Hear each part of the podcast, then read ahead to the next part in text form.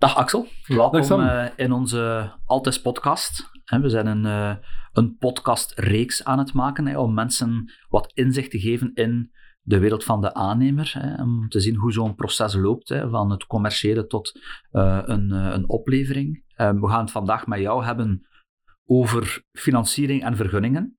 Ehm, totaal ander topic dan Ja, de andere klopt. waar we mee bezig geweest zijn.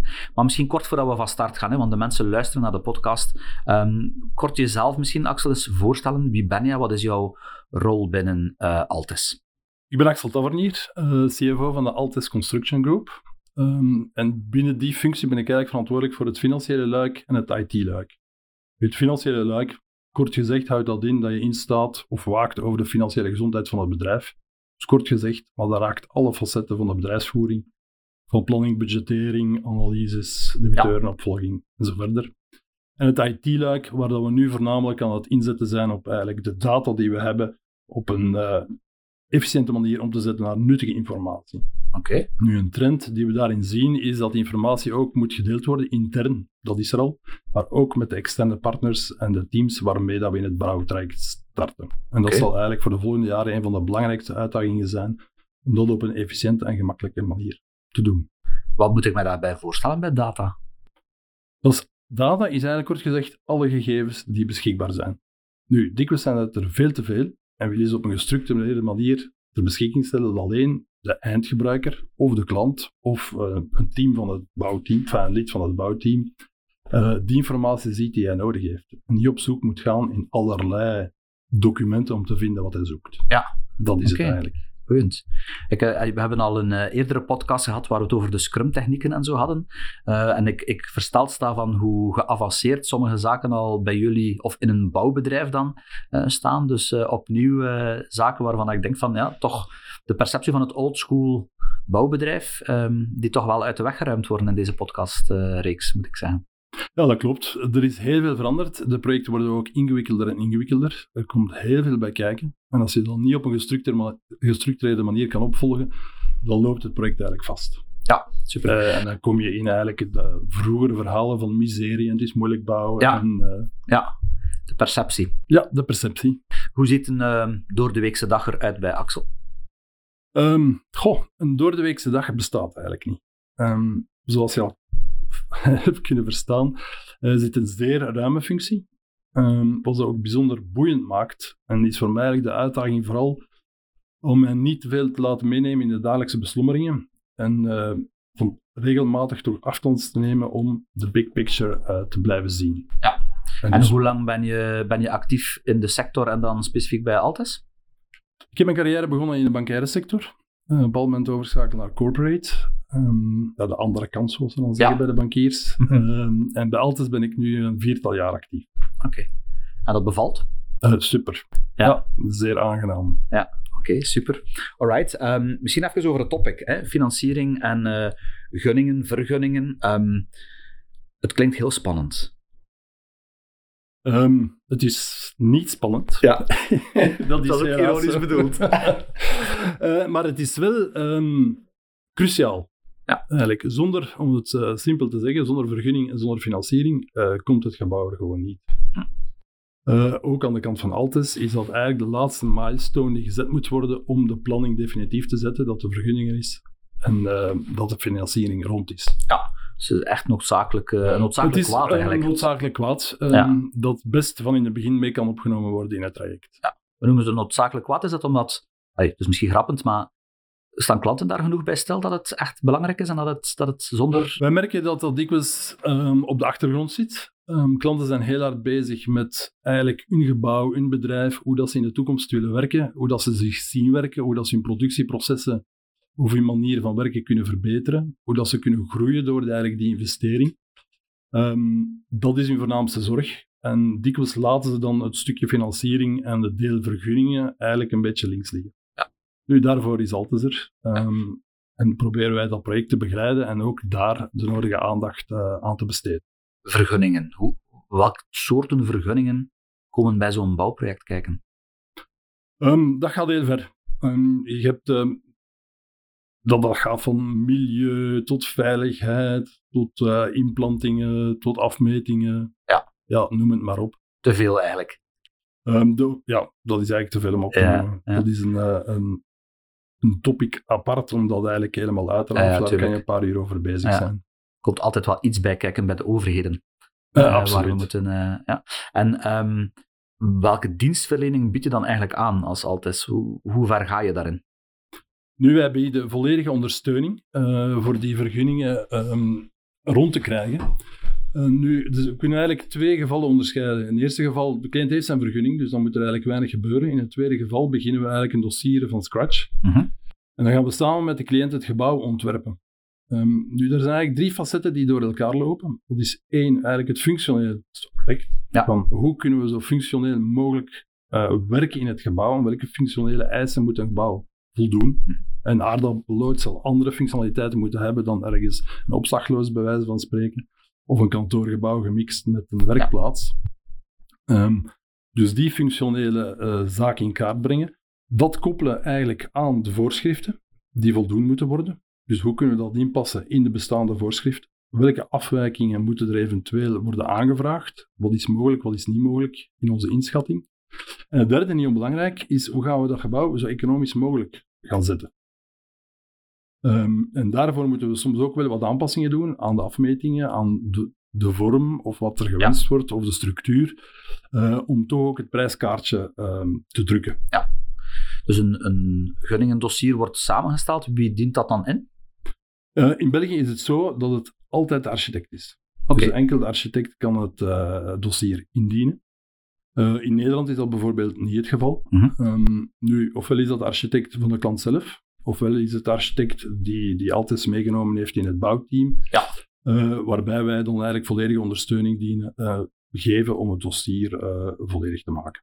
En als we naar een financiering kijken, daar wordt ook een, ja, een dossier verwacht. Ehm, jullie dienen dat dan ook in bij de bank of wordt dat door een klant dan ingediend bij de bank? Wel, uiteindelijk is het de klant die zijn dossier zal voorstellen bij de bank. Mhm. Ehm, maar ook daar zullen wij volledige ondersteuning bieden. Ja. Ehm, een goed gestuft dossier, zoals we zeggen, is zeer belangrijk om je krediet te krijgen. Mhm. Ehm, wat is daar belangrijk? Eén, ja, jezelf voorstellen, je bedrijf. In de meeste gevallen kent de bankier. Eh, als je bij je huisbankier gaat, het bedrijf al goed. Maar wat belangrijker is, is het project voorstellen. Wat is de toegevoegde waarde van dit project aan het bedrijf en de toekomstige bedrijfsvoering? Hoe ondersteunt het de groei? Hoe kan het eigenlijk de efficiëntiewinsten teweeg brengen? En waar is dit het terugverdieneffect van zo'n bedrijf? Oké. Bijkomend, eh, wat dikwijls onderschat wordt, is ook kijken naar de korte en lange termijn doelen. Wat dat je met dat eh, gebouw wilt eh, verwezenlijken en hoe je dat je het dan gaat financieel structureren. En dan denk ik eerder, gaat er een stuk aankoop zijn in privé? Gaat er het via een patrimoniumvernootschap gaan? Zullen we werken met opstal, oprecht, zeg, Ja. opstalrechten, dat soort zaken. Gaan we onbalans of balans? Ah, ja. Eh, Ja. ehm, komt toch heel wat bij kijken. daar komt heel wat bekijken eh, en dat is belangrijk om dat door te nemen. Mhm.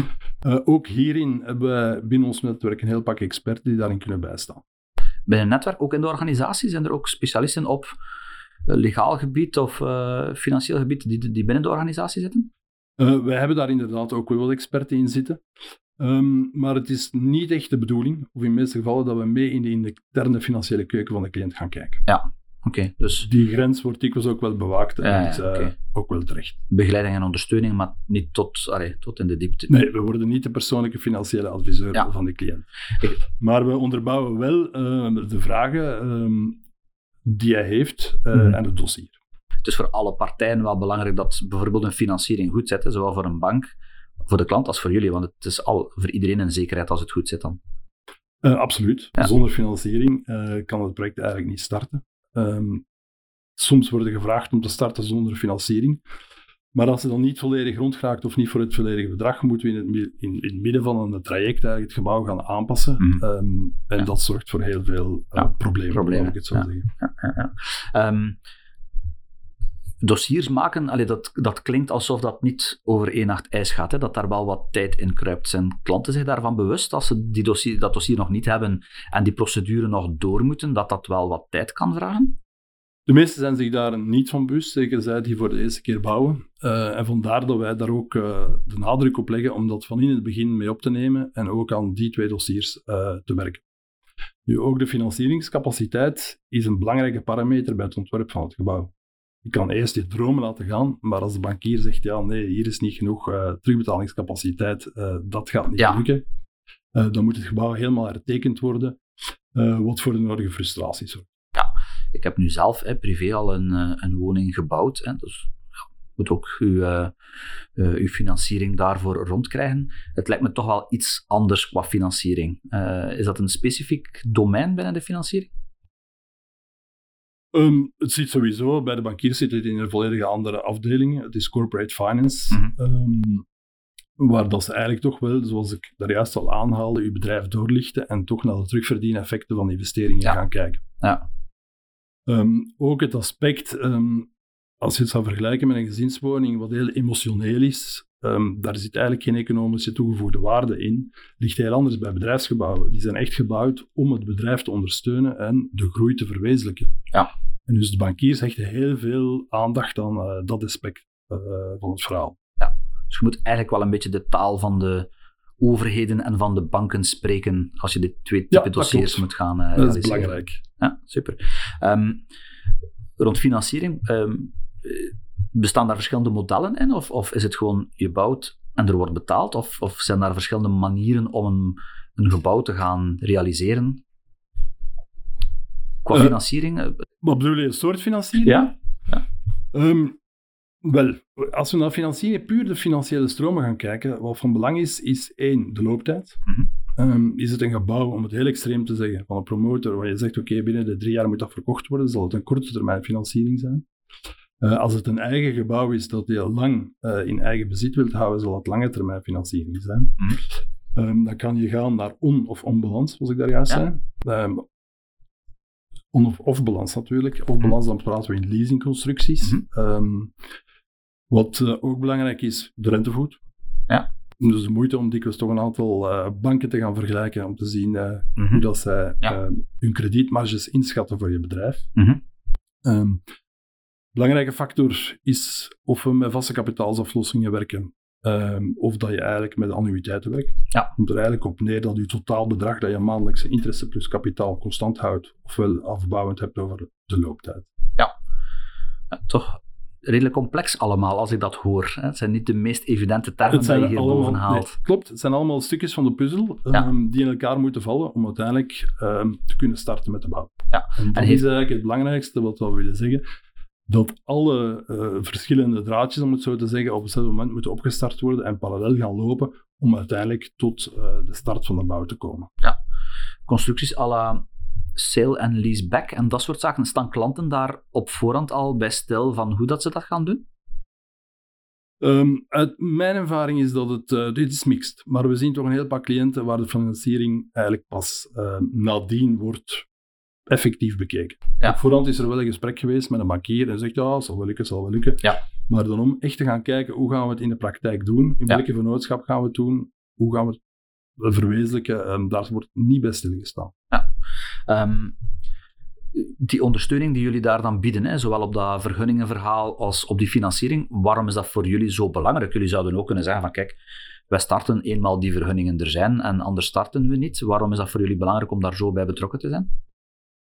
Wel één, dat is uh, de visie van Altes. Daar staan we voor. Eigenlijk het ontzorgen van de cliënt. Um, dat het een aangenaam traject wordt. Uh, maar ook voor Altes zelf is het heel belangrijk dat, um, dat alles vlot verloopt. En dat het één project het andere project niet um, in gevaar brengt qua planning. Ja.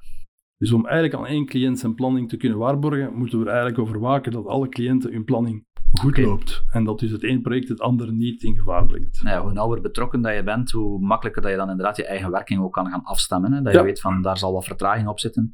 Dus we kunnen al anticiperen op een, uh, op een ander project. Dat okay. klopt. Ja. Um, hoe zou je die aanpak omschrijven uh, naar die klanten toe? Is dat een, een vorm van. Uh... Goh, wij gebruiken nogal um, rap de term, de ontzorging van Ja. bij het begin. Um, je staat er niet alleen voor, er is een heel team dat achter je staat om het uh, project te verwezenlijken. Ja, klantgericht eigenlijk. Ja, zo kan Ja. je het stellen. Ja. Er is een andere podcast ook al naar voren gekomen, dat die klantgerichtheid wel super belangrijk is. En dan, ja, dat ontzorgen, je staat er niet alleen voor, is wel iets wat je ja, klanten een gevoel van uh, vertrouwen kunt mee gaan, uh, gaan geven dan. Wel, het is het idee om van een bouwtraject een aangenaam traject te maken. Mm -hmm. Um, zoals ik in het begin al aanhaalde, wordt bouwen nog dikwijls geassocieerd met uh, veel problemen, budgetoverschrijdingen, niet aangenaam. Nu, wij zijn ervan overtuigd dat je het traject van het begin volledig onder controle hebt, um, dat dat zo niet hoeft en dat het best een aangenaam traject kan worden. Ja, we hadden het denk ik in de podcast met Geert er ook over dat ja, prijs natuurlijk een belangrijk element is, maar dit soort zaken zorgen toch wel voor een serieuze meerwaarde. Wel, sowieso. In de B2B-markt zal de prijs altijd een doorslaggevende factor zijn. Onze cliënten bouwen uit economisch doel ehm, en dat is terecht dat ze daar naar kijken. Maar als altijd willen we dus eigenlijk toch meer bieden dan dat en het een aangenaam bouwtraject van maken. Ja. En vandaar ook onze slogan, Create to Build. Ja, mooi. Uh, lijkt mij een heel mooie om, uh, om mee af te sluiten, uh, Axel. Dankjewel. Dankjewel voor je tijd.